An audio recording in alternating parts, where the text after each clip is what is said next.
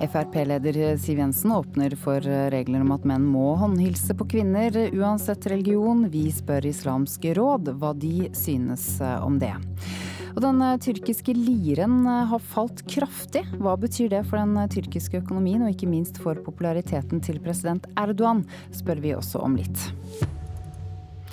Frp-leder Siv Jensen mener alle må kunne håndhilse i Norge, uansett religion.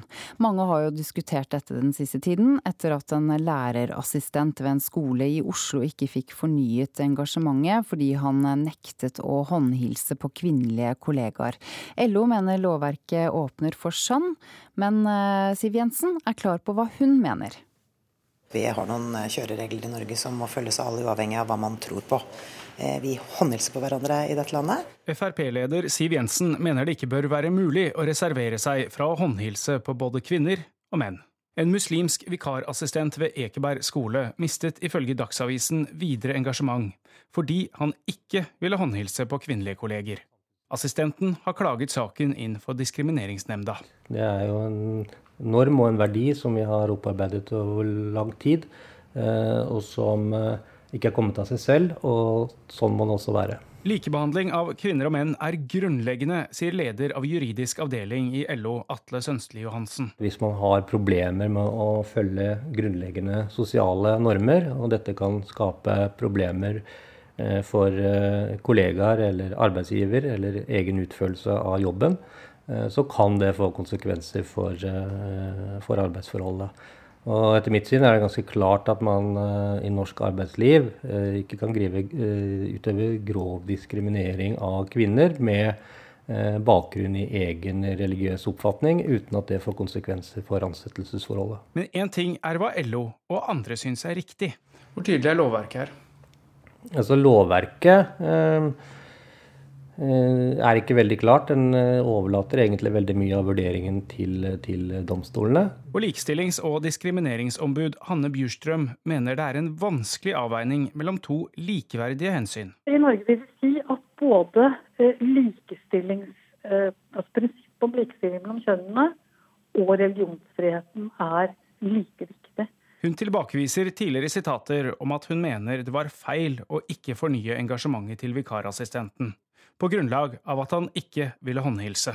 Men mener også hun at lovverket åpner for skjønn. Jeg tror det kan være vanskelig å gi klare regler. Jeg tror vi må leve med det dilemmaet at det må gjøres en eh, vurdering i det enkelte tilfellet. Men Siv Jensen og Frp vil ha regler.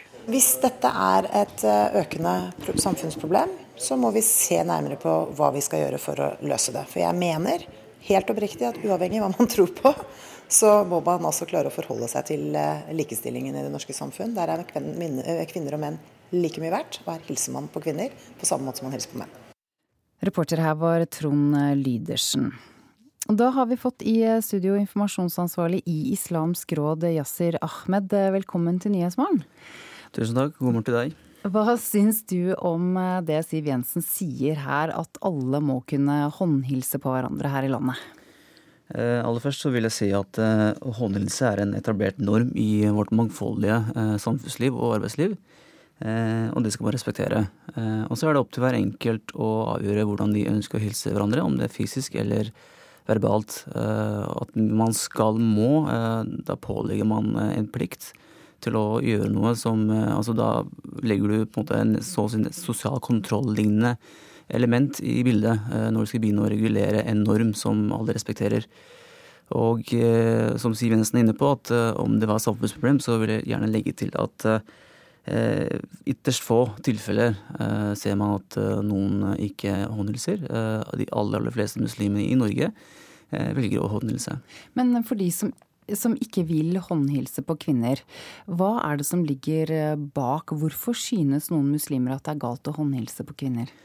Altså, eh, Det er et komplekst eh, område. fordi at I islam så har vi fire store lovskoler som har definert og gitt sin dom, tolket denne håndhilsingsreglementet og det å kunne ta fysisk på motsatt kjønn. Hva det enkelte av muslimene følger av lovskoler eh, og deres tolkning, får være opp til den enkelte. Eh, så det er fortolkninger som gjør at eh, de enkelte velger å gå den retningen. Vi har noen lærde som har påpekt at man kan håndhilse i de situasjonene som er pålagt. Du håndhilste i hvert fall på meg utenfor studio her i stad. Men hvis det da skulle komme regler eh, som gjør at man må håndhilse på hverandre i arbeidslivet i Norge f.eks., hvordan vil dere i Islamsk råd se på det da? Nei, så eh, Som alle andre lovlydige borgere så følger vi norske lover og regler. Eh, det er veldig, Islam er veldig sterk på dette her også, at man skal følge lover og regler i det landet man har bosatt seg i. Uh, og så skal man da respektere det. Um, så vi, vi syns ikke nødvendigvis man skal gjøre en opprør mot uh, det, men jeg syns samtidig at å lage en regel, lov, mot en norm, så åpner man for å lage regler og lov for mange andre normer vi har i samfunnet. Blant annet i seneste sommer så hadde vi en diskusjon rundt det med om menn burde tillates å gå med kortbukse på jobb eller ei og det er skjønn man bruker, så skal man da åpne for å lage normer og love for andre normer også. ja, hva mener Islamsk råd er viktigst egentlig? Likestilling eller religion, eller begge deler? Eller er begge deler like viktige som likestillingsombud Hanne Bjurstrøm mener i saken her? Begge ting er like viktige. En, en har rett til å tro det man har lyst til å tro på. Og så er det slik at islam, hvis man tenker spesifikt på religion islam, da, så er jo alle menn og kvinner likestilte. Så islam lærer jo oss å likestille med menneskelighet og behandle alle likt. Så det er ikke to ulak, uh, ulike uh, områder, men det kan gå også gå hånd i hånd. Takk for at du kom hit, informasjonsansvarlig i Islamsk råd, Yasir Ahmed.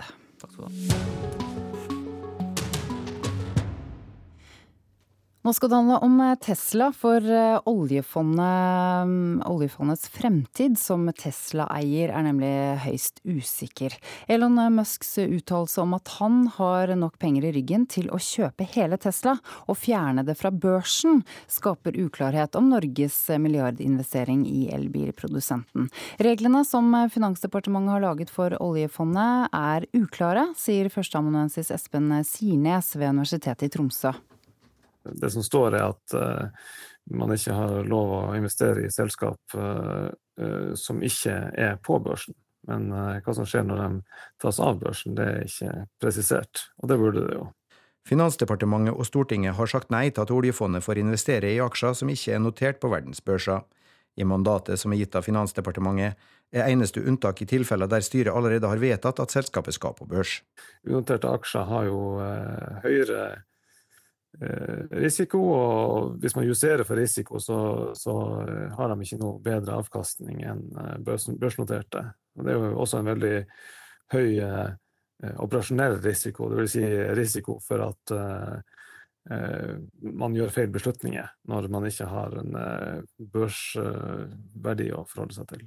Ved årsskiftet eide oljefondet aksjer i Tesla for to milliarder kroner etter å ha dobla beholdninga gjennom fjoråret. Forrige uke sa Teslas sterke mann Elon Musk at han hadde skaffa finansiering til å kjøpe hele selskapet av børs. Dersom det skulle bli en realitet, er det uansett gode grunner for oljefondet til å selge aksjene, sier Sirnes. Ja, jeg tenker det at uh, da vil jo uh, risikoen øke for denne aksjen. Fordi uh, når en aksje er notert på børsen, så er det stadig, stadig oppmerksomhet rundt hva den gjør, og man har analytikere som vurderer aksjen og eh, investorer. Snart man tar det av børs, så eh, får selskapet gjøre mer som det har lyst til, og, og eh, det øker risikoen. Så det vil være naturlig for oljefondet å selge seg ned eh, når eh, Tesla eventuelt, hvis de skulle gå av børs. Verken oljefondet eller Finansdepartementet har ønska å la seg intervjue av NRK i saken, og viser begge til mandatet som er gitt av Finansdepartementet. Pressesjef Marte Skaar i oljefondet skriver en e-post til NRK at mandatet åpner for å eie unoterte aksjer som en følge av såkalte selskapshendelser, som for eksempel ei avnotering. I slike tilfeller vil forvalterne gjøre det de mener er best for å bevare verdiene i fondet. Ved årsskiftet hadde slike spesielle hendelser ført til at oljefondet til sammen eide unoterte aksjer for 11,4 milliarder kroner. Til sammenligning eide fondet børsnoterte aksjer for mer enn 5600 milliarder kroner. Det sa reporter Johan B. Sette. Politisk kvarter eh, kommer som vanlig i dag klokken 7.45, og Bjørn Myklebust, eh, det er fortsatt eh, et spennende tema. Det handler om Per Sandberg, gjør det ikke det? Vi lurer jo på om sagaen om Per Sandberg når sitt klimaks i dag. Eller om det er flere kapitler igjen.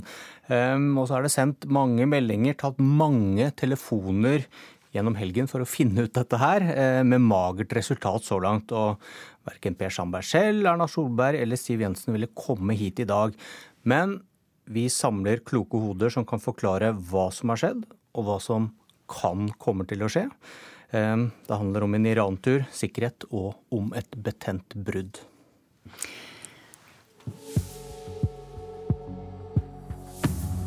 Ja, dette er altså Nyhetsmorgen. Klokken er blitt 13 minutter over sju, og dette er noen av sakene akkurat nå. Store mengder kongekrabbe blir omsatt svart, tror Fiskeridirektoratet. En stor rettssak starter i dag. Og nordmenn i Spania har fått et ufortjent dårlig rykte, mener en forsker som har skrevet en doktorgradsavhandling om det. Så til en av de store sakene utenriks i dag. For den eh, tyrkiske valutaen lire fortsetter å falle, og nå sprer uroen i Tyrkias økonomi seg til børsene i Asia. Liren har falt jevnt i eh, to år, men stupte kraftig på fredag etter at eh, president Donald Trump tvitret at han ville doble tollen på tyrkisk stål og aluminium. Korrespondent Sissel Wold, hvorfor fortsetter liren å falle akkurat denne helgen? Det er flere grunner, men hovedgrunnen er nok konflikten mellom USA og Tyrkia. Donald Trump krever å få utlevert denne pastor Andrew Brunson, mens president Erdogan nekter å utlevere denne amerikanske pastoren. Nå er det satt en ny frist, onsdag 15.8. Men til USA ikke får denne pastoren, så sier Donald Trump at han vil øke presset mot Tyrkias økonomi. Og dermed, Det var grunnen til at han tvitret eh, om denne straffetollen på fredag. Men nå får vi se hva som skjer eh, den 15. august. Det andre er at det internasjonale markedet ikke tror at Tyrkias lederskap evner å vise hvordan man kan rydde opp i denne økonomiske krisen. Erdogan sa jo i mai i år at han mener at renter er all ondskaps mor. Han er imot renter. I islam så er renter haram. Dette mener det internasjonale markedet er veldig bekymringsverdig når det gjelder den tyrkiske sentralbankens styring. Ja, så Hva er konsekvensene i Tyrkia? Ja, her er det jo veldig mange firmaer som har store lån i dollar. De kjøper inn varer for dollar. Dette blir jo vanskeligere og vanskeligere å betjene og betale tilbake, så lenge liren bare synker og synker. Og mange mister jo også sparepenger som de har i lire. Så hvordan eh, kan dette prege det europeiske markedet, Sissel? Ja, Tyrkia har store lån i Europa. Og de eh, landene som har lånt mest penger til Tyrkia, det er Spania og Frankrike. Det er klart at deres banker er bekymret nå. fordi det er, det er jo ingen klarhet i hvordan eh, man skal få eh, liren opp og gå igjen. Så man er bekymret for at eh, handelsforholdet mellom Tyrkia og EU, der hvor det er veldig mange avtaler og mye handel, skal preges av dette, og at tyrkiske liren skal dra med seg noen av de europeiske bankene eller handelspartnerne. President Erdogan ber jo tyrkerne om å veksle inn sine dollar og euro i lire for å styrke liren. Hører folk på det han ber om? Det tror jeg ikke, for nå gjør alle alt de kan for å kvitte seg med liren. Og Det er også en grunn til at liren fortsetter å stupe. Det er ingen som vil ha lire lenger. Det er akkurat som eh, den bare brenner opp av seg selv, at den smelter. Så jeg har ikke hørt om noen som gjør det, men det motsatte. De kvitter seg med lire og kjøper dollar og euro. Så hva mener ekspertene? Hvordan eh, bør eller hvordan kan Tyrkia redde liren? En måte å redde en valuta på, er å sette opp rentene. Men det vil jo ikke Erdogan ennå. Kanskje han må det. Eh, en annen måte er å nærme seg Russland, Iran og Kina og Russlands utenriksminister Lavrov kommer på besøk til Ankara i dag. Mm. Iranerne har også sagt at de syns at uh, Tyrkia har ufortjent store problemer nå pga. USA. Men Tyrkia har den meste av handelen sin med Europa, og man kan ikke bare snu seg bort fra Europa. Senere i dag så skal finansminister Al-Bayrak kommer komme med noen løsninger. Men liren sank jo kraftig idet Erdogan utnevnte nettopp Al-Bayrak, som er hans svigersønn, til finansminister. For markedet tror ikke at disse to politikerne vet hvordan de skal håndtere en moderne økonomi og redde liren. Kan det som skjer i Tyrkia nå skade president Erdogan, som jo har vært veldig populær blant mange? Ja, dette er jo interessant. For det som vi husker, så var jo Erdogan veldig ivrig etter å få det siste valget ett og et halvt år før tiden. Eh, det var jo valg her for et par måneder siden, hvor han da fikk enda mye mer makt enn det han hadde fra før. Det er et nytt presidentsystem her nå. Og veldig mange sa jo at han tror at den økonomiske krisen kommer til å ramme hardt. Og han vil ha valget ett og et halvt år før tiden, fordi at han vil bli valgt før den økonomiske krisen rammer. Men Erdogan har sine tilhengere som stoler blindt på han, og de tror at Erdogan kommer til å Eh, redde landet på en eller annen måte. Og de tror også på han når han sier at det er utlendingene som fører en økonomisk krig mot oss. Så et problem er man må ha utenlandske investorer tilbake til Tyrkia. Men hvilke utenlandske investorer har lyst til å investere her nå, når det er utlendingene og det utenlandske finansmarkedet som får skylden for den økonomiske krisen her? Godt spørsmål. Takk til deg, korrespondent Sissel Wold. Dette har skjedd de siste timene. Den økonomiske uroen rundt Tyrkia merkes på de asiatiske børsene. Det har vært nedgang i både Hongkong og Tokyo, og nedgangen skyldes bl.a. at den tyrkiske liren falt med 20% på fredag. Det er det kraftigste fallet på 17 år. Lireraset kom like etter at USAs president Donald Trump sa at han vil doble tollen på tyrkisk stål og aluminium. Tyrkias president Erdogan sier det kraftige fallet skyldes et politisk komplott mot landet. Et jordskjelv med en styrke på 6,4 er registrert i Alaska. Det er det kraftigste noensinne akkurat der. Det er foreløpig ikke meldt om eh, skadede.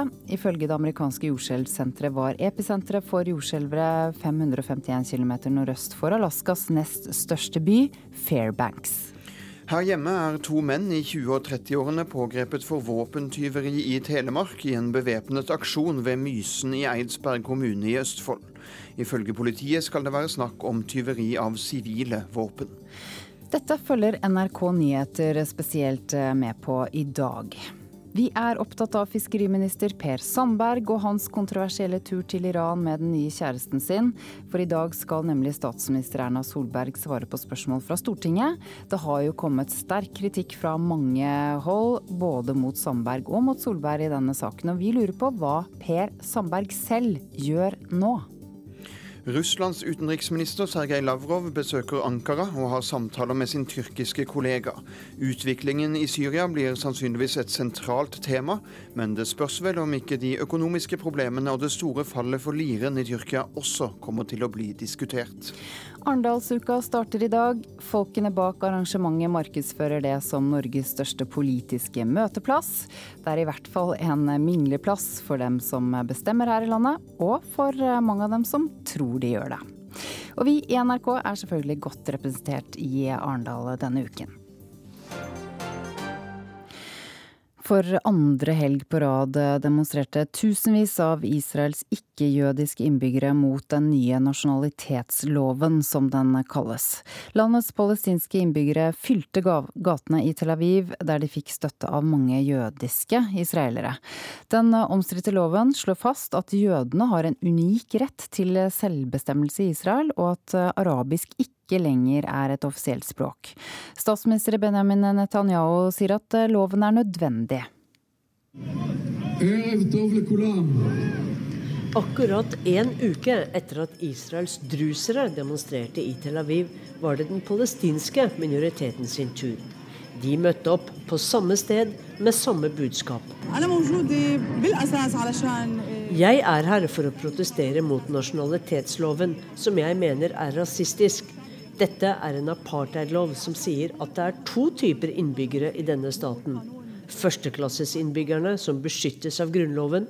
Og så er det annenklassesinnbyggerne som ifølge loven ikke har samme rettigheter, sier Naila Okal, som kom til Kikar Rabin, Rabinplassen, som er Tel Avivs storstue for massemøter. Den kontroversielle loven degraderer også arabisk fra å være et av Israels to offisielle språk til et språk med spesiell status. Mens druserne knapt teller 2% av innbyggerne, utgjør Israels palestinske befolkning eller israelske arabere som de ofte kalles, over 20% Hver femte israelske statsborger er palestinsk. Familiene deres bodde i området, i det historiske Palestina, i mange generasjoner før de europeiske sionistene kom. Da europeiske jøder rømte fra forfølgelse i Tsar-Russland og nazismen i Europa, ble det de palestinske arabernes problem. Ufrivillig ble arabere i byer som Haifa, Akko og Nazaret statsborgere i Israel da den israelske staten kom til dem i 1948. Arabere i Israel har alltid følt seg diskriminert, men nå nedgraderes de i lovs form. Jurist, advokat og folkevalgt i Knesset for den arabiske listen, Ayman Ode, talte på demonstrasjonen. Det er første gang titusener av arabere står sammen med jødiske grupper her i Tel Aviv. Vi kjemper imot nasjonalitetsloven. Det kommer til å ta lang tid, men vi er rede, sa Ode til Associated Press. For også mange jødiske israelere synes det er galt med en lov som slår fast at landets ikke-jødiske statsborgere er mindre verdt enn dem. I 2000 år har jøder selv levd som minoriteter og vært avhengig av sine vertslands godvilje. Skal da en jødisk stat lovfeste sine minoriteter som annenklasses innbyggere, spør flere kommentatorer i Haaretz. A lot of Israelis believe that they are entitled to be equal to us. It's the Jewish state, but dette er den jødiske staten, men de som bor her, har rett til å være likestilt i parlamentet, på universitetene og andre steder, sier Dan Meiri, som også var på demonstrasjonen i helgen. Men noen av demonstrantene gjorde en feil. De lyttet ikke til arrangøren, som ba dem la være å ta med flagg, i alle fall palestinske flagg. For å se de røde, grønne, hvite og svarte palestinske flaggene i Tel Aviv uroer israelere. Og statsminister Benjamin Netanyahu fikk ett poeng da han sa vi så PLO-flagg vaie i hjertet av Tel Aviv. Det viser at vi trenger nasjonalitetsloven, og vi vil beholde den, sa Netanyahu i går. Sissel Wold, Istanbul.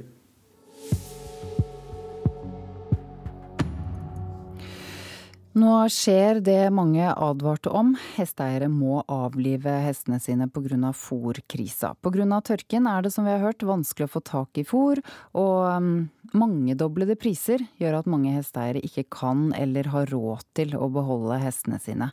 Slakter Jens Eide Lillesand får telefoner fra fortvilte hesteeiere hver dag nå. Den siste måneden har det vært omtrent daglige henvendelser. Og det er fortvilte hesteeiere som ikke vet hva de skal gjøre.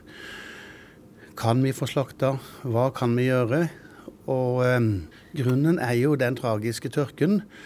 Når ikke det er mat til dyra som de er glad i, så, så blir det jo vanskelig og krevende. Det er ikke bare bøndene som sliter etter den tørre sommeren. Mangelen på grovfôr til dyr går også hardt utover dem som driver med hest. NRK er kjent med at minst to hesteeiere på Sørlandet allerede har valgt å avlive hesten sin pga. fòrkrisa, og kjenner til ytterligere tre hesteeiere som har bestemt seg for det samme. Ingen av dem ønsker å stå frem offentlig, men forklarer at det dreier seg om hester som ikke lenger kan brukes i rideskole eller avl, og som de derfor ikke har råd til å beholde. Slakter Eide i Lillesand har aldri opplevd lignende krise. Nei, ikke i nærheten. Det er, jo, det er jo så tragisk, det er så krevende. Og bøndene som skal levere de andre dyra, leverer jo de langt tidligere enn de skal, fordi at de er ikke slaktemodne. Men når ikke det er mat nok, så må de slaktes. For hesten så er det jo en helt annen utfordring, for det at det er et kjært og kjæledyr som gjør at det er jo en venn på en helt annen måte. Man har sittet i telefonen hver dag for å se om man kan få tak på noe som kan brukes, rett og slett. Sier Linn Elisabeth Eidså, som er daglig leder på Epona ryttersenter i Kristiansand. Hun forteller om en sommer full av bekymring for om hun klarer å skaffe nok mat til de 40 hestene hun har i stallen. En full leveranse på oss, hos oss er nærmere 30 tonn. Sånn som det har vært i år, så er det noen som har sagt at jeg kan ikke levere 30, men jeg kan levere 7. Så da har jeg nok for uh, nesten to uker, da. Og så uh, må jeg finne noen som kan levere videre. En vanlig hest spiser ca. 10 kilo høy i døgnet. Eidså har i løpet av de siste dagene trolig klart å skaffe nok fôr til hestene gjennom vinteren, men den store etterspørselen har ført til at prisene er mangedoblet. Vanlig pris per kilo for tørt høy, det er jo det prisene går villest utover nå. Eh, det er mellom fi, alt mellom tre og fire kroner per kilo, pluss moms. Eh, nå har jeg hørt at folk har vært helt oppe i 18 kroner kiloen. Eh, og det Ja, da skjønner jeg veldig godt at mange ikke har råd til det. Eh, det blir en, en firedobling for noen. Så de, de, vil jo helst, selvfølgelig Det vil jo helst at dyrene skal få leve. Men eh, får man ikke tak i mat, så får man ikke tak i mat. Og da er det jo en bedre valg det enn å la de sulte. Og det sa til slutt daglig leder på Epona Ryttersenter. Linn Elisabeth Eids og reporter var Benedikte Goa Ludvigsen. Da er vi snart klare med Dagsnytts hovedsending 7.30. Programleder der er Ingvild Ryssdal. Men først litt om Arendalsuka, som starter i dag.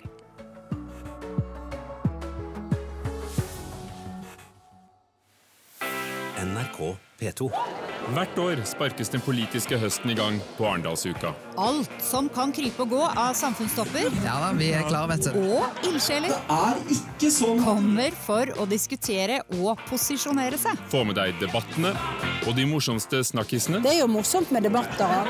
Arendalsuka denne uka i NRK P2.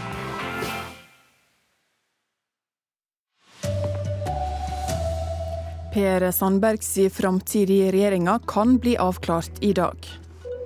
Alle må kunne håndhelse i Norge uansett religion, det mener Frp-leder Siv Jensen.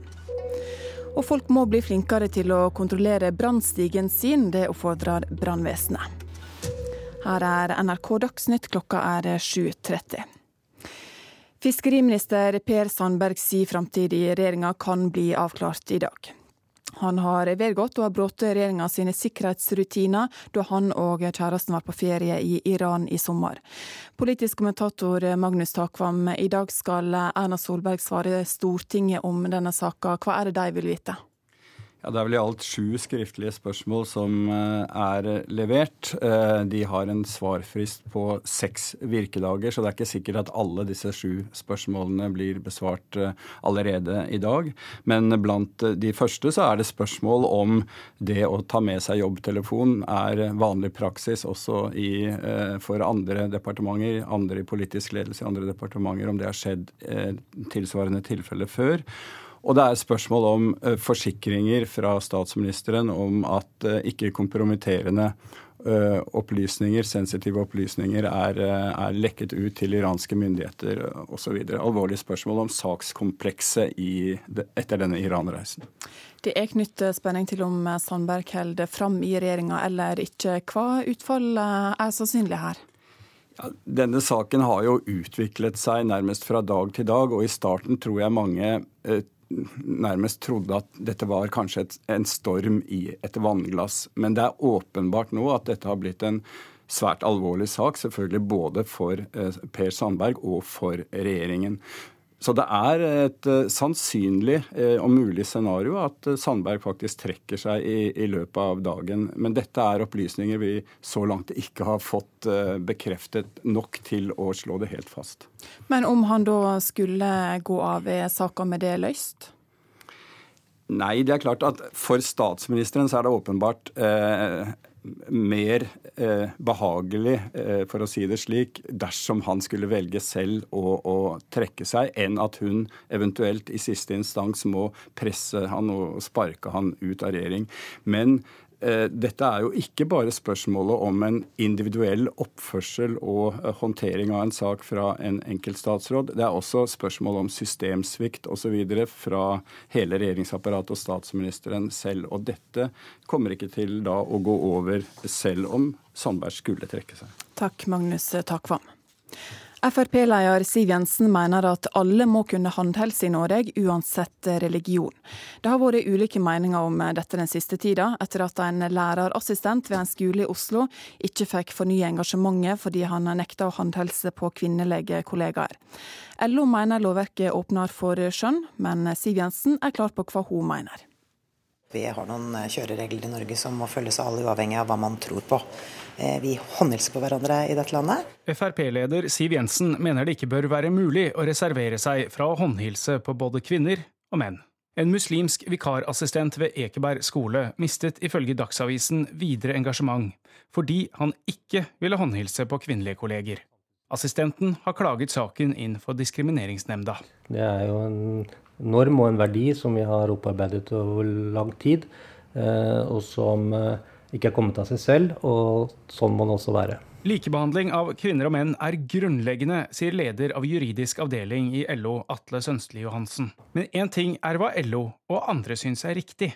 Hvor tydelig er lovverket her? Altså Lovverket eh, er ikke veldig klart. Den eh, overlater egentlig veldig mye av vurderingen til, til domstolene.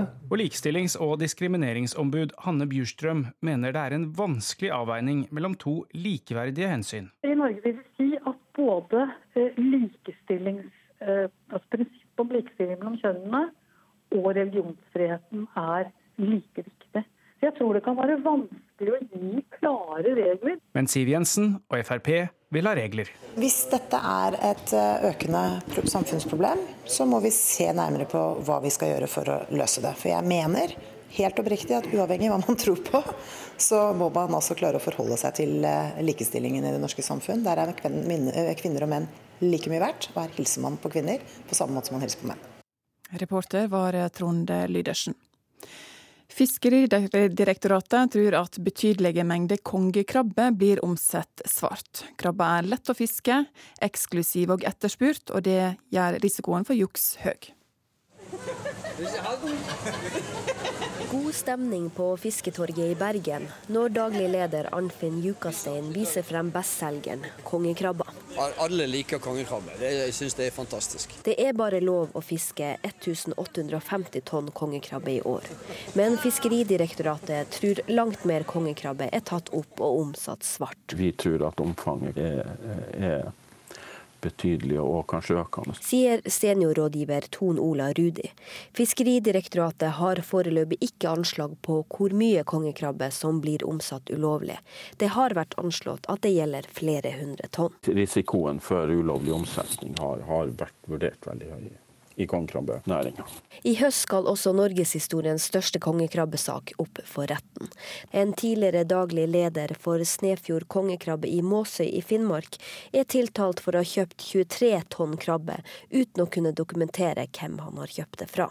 Den tiltalte nekter straffskyld. Ut fra min kjennskap til eh, det her saksfeltet, så er det her den største saken vi til nå har hatt. og eh, Sånn sett så er det jo en eh, spesiell sak. Sier politiadvokat i Finnmark politidistrikt Thomas Darell. Fiskeridirektoratet satser nå på å hindre ulovlig omsetning av kongekrabbe. Mengden tips og henvendelser fra næringa er, er mye større enn i andre fiskerier. Reportere i denne saka var Kristine Svendsen og Tom Christian Vassmo. Nå til Elon Musk sitt utspill om at han har nok penger til å kjøpe hele Tesla og fjerne selskapet fra børsen. For det skaper usikkerhet om Norges milliardinvestering i elbilprodusenten.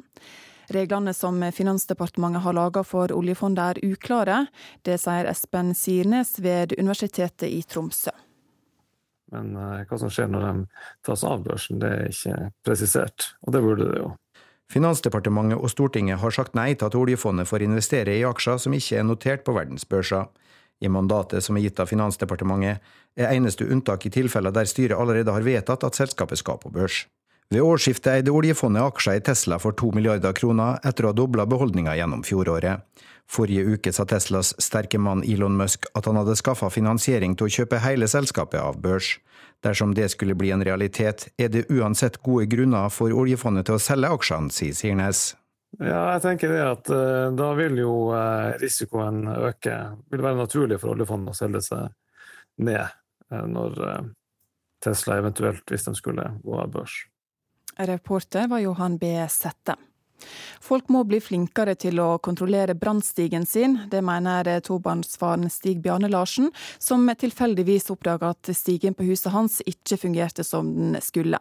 Den hadde rett og slett blitt ubrukelig. Tenk deg at du bråvåkner av denne lyden midt på natta.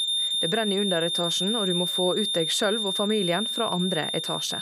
Du åpner vinduet og skal til å drage ut splinten for å løse ut brannstigen, men splinten sitter bom fast. Dette kunne i verste fall ha skjedd med tobarnsfar Stig Bjarne Larsen, hadde det ikke vært for at han ved ei tilfeldighet sjekka om brannstigen var i orden. Forrige uke skulle jeg male husveggen, og så så jeg det at eh, denne låsesplinten var eh, veldig rusta. Så da prøvde jeg å drage ut eh, splinten, og den sto helt fast. Så da måtte jeg fram med ei tung for å få den ut. Den fastrusta splinten kunne altså ha gjort rømmingsvegen ubrukelig. Det er mildt sagt bekymrende, sier Jon Normann Pettersen, som er leder for forebyggende i Herøy brann og redning. Eh, Bekymringa er jo selvsagt at du ikke får ut en splint som er vesentlig for å få stigen til å fungere. Eh, I en rømningssituasjon, eh, og du møter til sånne uforutsette hindringer som det, så er stressnivået rimelig høyt, og det kan ende katastrofalt. Folk må bli flinkere til å kontrollere brannstigene sine, sier han. Det stopper innomhus. Eh, folk er veldig flinke innomhus, og så har de en tendens til å glemme det som er ute. Det kjenner huseier Stig Bjarne Larsen seg att i. Nei, det er første gang at jeg har prøvd å brette den ut. Det er det. Jeg sjekker brannvarslere og jeg sjekker brannslukningsapparat, men en stige har jeg ikke tenkt på skulle være noe issue. Det sa til slutt eh, Stig Bjarn Larsen. Han ble intervjua av Birte Bringsvor. Ansvarlig for NRK Dagsnytt, Elin Pettersen. I studio, Ingvild Ryssdal.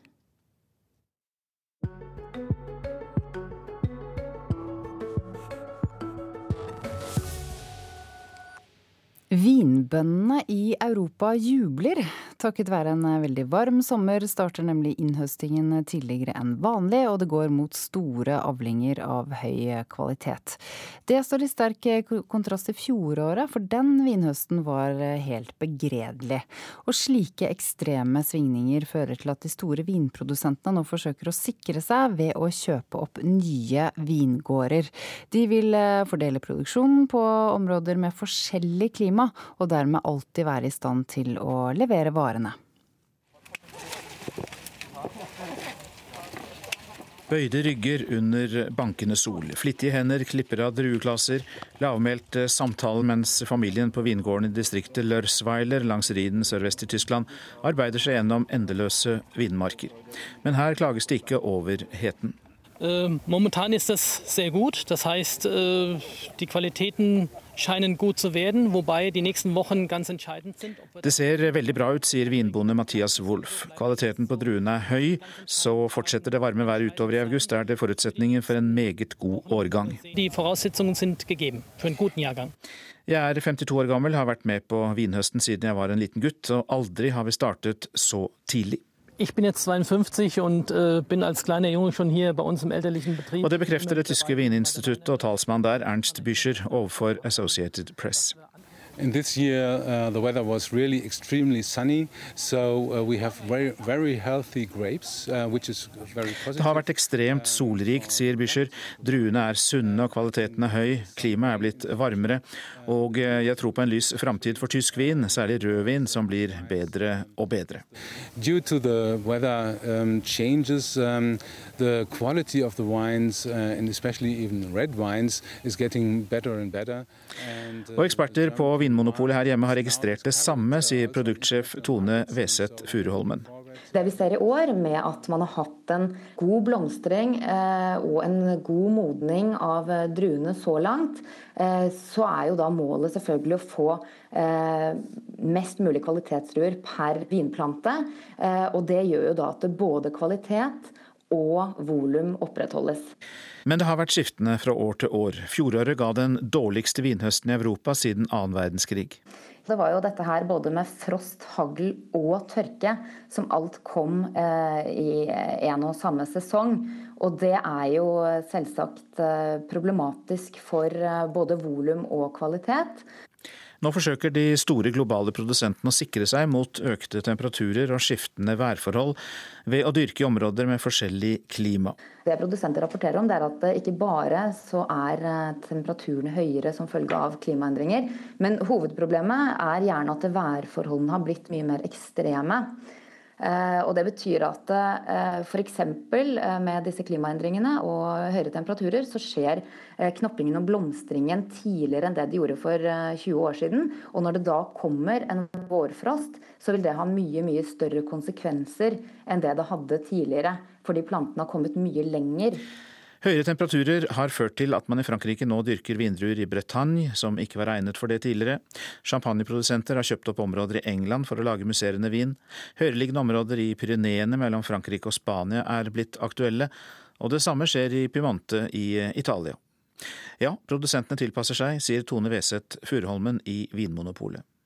Ja, absolutt. Eh, det er en interessant utvikling å følge med på. og Det er jo bare å se på England, hva som har skjedd der. Med champagnehus som, som kjøper opp eh, vinmarker, som tradisjonelt sett har vært ja, eh, for kjølig for vinproduksjon. og Dette har jo nå endret seg over de siste årene. Reporter var Øystein Heggen. Om 30 sekunder, eller litt, litt, mer enn 30 sekunder, er Bjørne Myklebust eh, klar med Politisk kvarter. Dette er de viktigste sakene denne morgenen. Per Sandbergs fremtid i regjeringen kan bli avklart i dag. Alle må kunne håndhilse i Norge, uansett religion. Det mener Frp-leder Siv Jensen. Og folk må bli flinkere til å kontrollere, kontrollere brannstigen sin, oppfordrer brannvesenet. I dag starter fadderuken for studenter over hele landet. I år skal det bli mer fag og mindre fyll. Får du høre etter klokken åtte her i Nyhetsmorgen, for da får vi et lite panel i studio.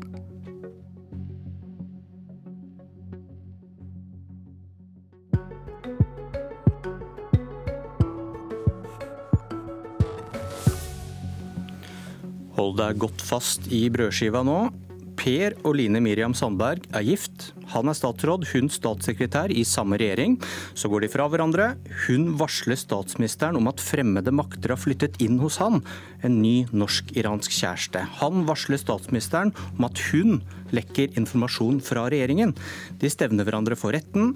Han drar på ferie til Iran med sin nye kjæreste, og jobbmobilen med sensitivt innhold. Men det får ikke statsministeren vite, for statsråd Sandberg frykter at det vil lekke til statssekretær Sandberg. Og der står vi til Dovre faller. Eller der står vi til vi ser hvilke ord som faller når statsminister Erna Solberg skal svare Stortinget. Og de første svarene må komme i dag. Eller kan Per Sandberg komme henne i forkjøpet Magnus Takvam, politisk kommentator i NRK? Ja, Rekkefølgen her vet vi jo ikke. Men det, det, vi er helt sikre på, er at Erna Solberg, eh, som du er inne på, må svare Stortinget innen den fastsatte fristen på seks virkedager for en del av de spørsmålene som er stilt om denne eh, famøse Iran-reisen. Eh, og om eh, Per Sandberg skulle velge å trekke seg, så kan han selvfølgelig varsle det eh, før disse svarene, men jeg, jeg vil tro at det, det, det kanskje kommer eh, samtidig, eller, eller, i hvert fall at svarene kommer først. Ok, hvis, eh, hvis, det ender med at Per Sandberg trekker seg, hvorfor skulle han gjøre det hvis han fremdeles har statsministeren tillit? Altså Det er to eh, Hvorvidt han har fremdeles i praksis har statsministerens tillit, det, det vet jo bare statsministeren eh, i øyeblikket. Det er vel det hun har sagt? Jo, eh, hun har sagt det offentlig. Så lenge han eh, fortsetter som statsråd, så har han per definisjon tillit. Du kan ikke fortsette som statsråd uten å ha den. Så det er en, på en måte en selvfølgelighet når hun svarer slik i offentligheten. Men vi vet jo at eh, statsminister Erna Solberg har eh, de siste dagene foretatt en vurdering om hun fortsatt kan ha tillit til Per Sandberg som statsråd i sin regjering i framtida. Eh, og det vil hun måtte ha avklart gjennom samtaler med Per Sandberg, der han skal vi si, overbeviser henne om at han i tida som kommer ikke vil foreta lignende brudd på sikkerhetsrutiner og andre ting som, som er blitt avslørt i, i denne Iran-saken. Og om den konklusjonen er truffet hos henne eller ikke, det, det, det vet ikke jeg. Kan man bli presset til å, å trekke seg, så det framstår som om man trekker seg av én grunn, men egentlig så er det Erna Solberg som står og dytter? Det kan eh, også skje. Det er mange varianter av, eh, som, som, kan ligge bak en beslutning der eventuelt da Per Sandberg til slutt uh, går ut av regjering. Uh, det er klart at Sett fra hans side så er det, så er det bedre at det framstår i hvert fall som om det er en beslutning han tar av la oss si, hensyn til partiet, til regjeringen, eh, eventuelt familien og, og andre ting, eh, heller enn å motvillig bli presset ut av statsministeren og få sparken og bli ydmyket ytterligere på den måten. Jan Arild Snoen, skribent i Minerva. Du, du har snudd i synet på om Sandberg fortsetter. Hvorfor det? Dette er en sånn drypp, drypp, drypp-sak der det kommer mer og mer hver dag. Og så blir det da opp til et punkt så, så, er det da spørsmål om når når nok blitt nok. Og jeg mente at det skjedde på lørdag da du eh, TV 2 eh, hadde et intervju med datteren hans. og Det framkom jo da at, at Per Sandberg ikke har tillit til statsministerens kontor. Eh, og, da, og, derfor ikke informerer, og derfor bryter retningslinjene. Så tilliten går ikke den veien. Og da er det litt rart at statsministeren skulle ha tillit til han. Så dette kommer på toppen av alt andre som har etter hvert har utviklet seg i denne saken. Men hadde han ikke fått sparken med en gang da, hvis det var sånn at dette var nye opplysninger for Erna Solberg, hvis ikke han hadde fortalt dette tidligere? Ja, nå har Erna Solberg har jo sagt at hun skulle gi et svar på mandag, så jeg tror hun holder seg til det eh, og, i dag. Og da får vi nå se hva som er det svaret. Også som Tak var inne på, hvem som har regien på en eventuell eh, avgang. Tone Sofie Aglen, politisk redaktør i Adresseavisa, med oss fra Trondheim. Eh, hva tror du dette ender med? Jeg tror at det ender med at eh, Per Sandberg velger sjøl å trekke seg. Men så er det jo det med Per Sandberg da, at han er veldig uforutsigbar. Og til og med dem som jobber tett eh, på han, klarer liksom ikke helt å lese han. Så det her kan eh, bikke mange veier. Men jeg tror litt av det vi har sett nå, er at eh, Per Sandberg har vist en veldig dårlig dømmekraft. og Jeg trodde også at han ville berge, men det har nesten vært sånn at hver gang han har åpna munnen, så har denne saken her blitt bare verre og verre. Og i tillegg så er det en del eh, tilleggselementer knytta til hans privatliv som gjør det her veldig krevende. Ja, Fortell litt om denne saken som dere publiserte i går. Der statssekretær Sandberg varsler statsministeren om at eksmann og statsråd Per Sandberg har fått seg ny kjæreste, og at det er farlig. Ja, Vi fikk jo avdekka at allerede i mai så har eh, statssekretær Line Miriam Sandberg sendt en bekymringsmelding til statsministerens kontor om at såkalte fremmede makter hadde flytta inn hos fiskeriministeren. Og Han svarte jo da med å sende inn en bekymringsmelding om at, at hun lekker. Og så vet vi jo at begge har stevna hverandre for retten, og jeg tror alle skjønner at uh, det her neppe er en lykkelig skilsmisse. Og det er jo for så vidt ikke uvanlig eller noe galt, men det blir særdeles krevende når det her trekkes inn i Frp, som denne saken her gjør, men ikke minst i regjeringa. Og jeg tror dette er en sånn tilleggsdimensjon som peker mot at Sandberg sjøl velger å trekke seg. For det er veldig vanskelig å se for seg at de to kan fortsette sammen i regjering. Hvordan syns dere Erna Solberg har håndtert denne saken? Takvam? Hun eh, jo, ble jo konfrontert med saken, var det, var det vel på Norway Cup, eh, i et sånn kjapt intervju eh, nå i sommer, og som ble mye sitert, eh, der, der hun ble sitert på uttalelsen om at det må være lov å gjøre en feil, eller noe i den stilen. Og det har blitt gjentatt som et eksempel på at hun har uh, ikke forstått alvoret i saken osv. Nå sier da uh, statsministeren og hennes folk at uh, hun sa mye mer i det intervjuet. At det var Hun slo fast allerede der at dette var et brudd på sikkerhetsbestemmelsene osv. Men det er klart det det er en krevende sak for henne fordi opplysningene også har kommet eh, fra dag til dag. Og det, det, er jo i stor grad også, som vi er inne på her, Per Sandbergs håndtering av denne saken som har økt alvorsgraden i den. Eh, og hans dømmekraft på en måte har jo da blitt eksponert nettopp gjennom det. Og det, det spesielle er, som noen har, har, har, pekt på overfor meg, at han selv har tatt hele regien på kommunikasjonen her. Ikke sant? Det er han som har framstått, det er han som har blitt intervjuet, mens det ikke har vært et apparat, verken i partiet eller i regjeringen som har overtatt kommunikasjonen i en så vanskelig sak. Og det kan man kanskje eh, kritisere eh, regjeringen og Solberg for. Og også noe av det som noen er inne på, at eh, hun muligens da ikke har tatt varsler om problematiske forhold eh, alvorlig nok på et tidligere tidspunkt. Men i, i forlengelsen av det du sier nå, betyr det at problemene til Solberg forsvinner ut døra hvis Per Sandberg går? Nei, det er to eh, ikke sant? Det er et forskjell mellom eh, at en statsråd som i dette tilfellet eventuelt da blir avslørt i å gjøre individuelle feil, har dårlig vurderingsevne og dermed må gå, trekker seg. Eh, eller om det er et en systemsvikt som er eh, avslørt uavhengig av hans eh, fortsatt eh, rolle som statsråd eller ikke. Og det, det, er jo åpenbart der opposisjonen, Arbeiderpartiet og andre vil bore framover. Og selvfølgelig også knytte det til de kommende høringene og diskusjonene om beredskapen som skal være i kontrollkomiteen i Stortinget senere. sånn at nei, saken går ikke over for Erna Solberg selv om Sandberg skulle trekke seg. Snoen, hva slags stilling har Per Sandberg hatt i Fremskrittspartiet? Han har jo, før han ble statsråd, i hvert fall særlig da, så har han vært da representant for rett fra levra-snakkene. altså det er kalt for det egentlige Frp.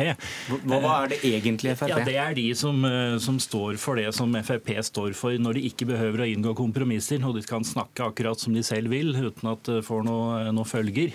Eh, og det har appell i store deler av Frp. Men så har jo da Sandberg, når han har vært fiskeriminister, vært relativt skal vi si, normal. Eh, og kanskje mistet litt av den, den rollen. Men det er allikevel sånn at eh, han har stått sterkt i den delen av partiet så eh, er denne saken eh, såpass spesiell fordi den, den, omfatter innvandringspolitikk og med en litt overraskende vri. Sånn at mange av Sandbergs tradisjonelle støttespillere har jo ikke støttet han her. Noen av dem har eksplisitt gått ut mot han. Fordi de mener han har vært soft mot Iran og prester? Ja, ja de, de, skjønner rett og slett ikke det. Og det gjelder både det, men det gjelder nok kanskje for noen også at dette er jo en, en dame som har fått asyl i Norge, og som retter tilbake Eh, på ferie til, til, Iran. og Det er også sånt som irriterer en del av denne fløyen. Da. Nå vil jo Siv Jensen, Hvis hun hadde sagt ja til å komme til i dag, så ville hun ha blånekta på denne todelingen, at det finnes et sånn ansvarlig Frp og det egentlige Frp. Men hva mener du når Per Sandberg forsvinner ut av regjering? Er det noen fra det egentlige Frp igjen i regjeringsapparatet? Da? Nei, egentlig ikke. Og Hva slags problemer kan det by på? Ja, Det kommer jo litt an på hvem som da kommer inn istedenfor Sandberg, hvis han går. Eh, men, men, men hvis du får en sånn tydelig deling med at du har et regjerings-Frp og så et annet Frp utenpå, så kan, utenfor, så kan det øke konfliktnivået innad i partiet når det butter. Nå går det litt dårligere på meningsmålingene og det er særlig hvis det da går dårlig, så kommer denne konflikten opp. Så det, nok, det vil alltid være en fordel for Frp å i hvert fall ha én innafor eh, for å representere det. Eller Aglen, kan det være sånn at en eh, en ny hærfører, en Listhaug på Stortinget, kan gjøre at man får fram primærpolitikken på en veldig effektiv måte når man er bundet litt i regjering? At det kan være fordeler med det også? Det er litt sånn vanskelig å svare på, men jeg tror det er en utfordring for Frp hvis du får et litt sånn blankpolert eh, Frp i regjering som ikke helt representerer partiet. Og så er det jo veldig påfallende å følge med i Frp nå, for det har jo vært utrolig stille. Og den her støtten til Sandberg har jo forvitra på veldig kort tid. og det er jo liksom viktig å minne om at uh, Sandberg har også vært utrolig viktig for Frp. og Alle trodde jo at når han ble statsråd, så ville han være en løs kanon som ville lage veldig mye trøbbel for regjeringa, men han har jo klart seg overraskende godt fram til nå. Så det, det, er ikke bare enkelt dersom han forsvinner ut. Og han sitter jo heller ikke på Stortinget, så det kan jo være en exit fra norsk politikk. Det er riktig altså at eh, Per Sandberg har hatt en sånn slags brobyggerrolle, og dermed hatt en veldig viktig funksjon i, i Frp mellom regjeringsfraksjonen og det øvrige Frp. Og har på en måte, når han har satt sitt godkjentstempel på omstridte kompromisser som som Frp har måttet være med på, så blir det på en måte akseptert også i bredere deler av partiet. Sånn at hvis, Potensielt så, så kan det utgjøre et problem hvis den typen funksjon forsvinner. Og det er spennende synes jeg, framover å se hvordan skal vi si, stortings-Frp eh, utvikler seg. Vi har jo registrert at tidligere justisminister Per-Willy Amundsen f.eks., og også selvfølgelig Sylvi Listhaug, i enkelte saker har gått veldig høyt på banen og vært eh, på en måte tilbake i den mer tradisjonelle eh, fløyen av Frp når de kommer til Stortinget. Om det fortsetter, så, så kan det bli et potensielt problem for, for regjerings-Frp. Så hva skal da Siv Jensen eh, gjøre, Snoen? Nei, Hun må jo sørge for at, eh, at hele Frp føler seg eh, hørt på eh, og ivaretatt. Og Vanligvis vil det se, bety at det også skal være en fra den fløyen i regjering. Eh, så får vi se om hun velger det, eller om hun finner andre måter å løse det på. Eh, men det er sånne spenninger i Frp. En partileder vil alltid si at alt er i orden, alle er enige, men, men det er jo sjelden sant. Og det er i hvert fall ikke sant her. Hva betyr meningsmålingene nå? Har vært litt, eh, litt sjabre for Frp. Siste uka kom det to stykker. En er på titallet, en på sånn 12,9 hvis jeg ikke husker feil. Men så er det mellomvalgsår. Betyr det så mye? Blir de nervøse av sånt? Ikke foreløpig, tror jeg. og det er også sånn at Disse målingene på sommeren eller etter sommeren er, er ikke nødvendigvis helt uh, treffsikre. Så, så, vi får nå se hva som er utfallet i dette. Men, uh, men det, de ligger jo en del under uh, det de gjorde i stortingsvalget, og det nærmer seg etter hvert kommunevalg. Så, men nei, jeg tror ikke det er noe stor nervøsitet rundt det ennå. Jeg har sittet og stirret stivt på NTB her for å se om det kommer noen nyheter. Vi har blitt lurt før. Ingen har gått av. Per Sandberg er fremdeles fiskeriminister. og han sier ja til mange slags invitasjoner. Onsdag skal han f.eks. etter planen fremføre en rykende fersk villfisklåt med Jørn Hoel på Arendalsuka. Og Politisk kvarter, vi er på plass i Arendal i morgen. Jeg heter Bjørn Myklebust.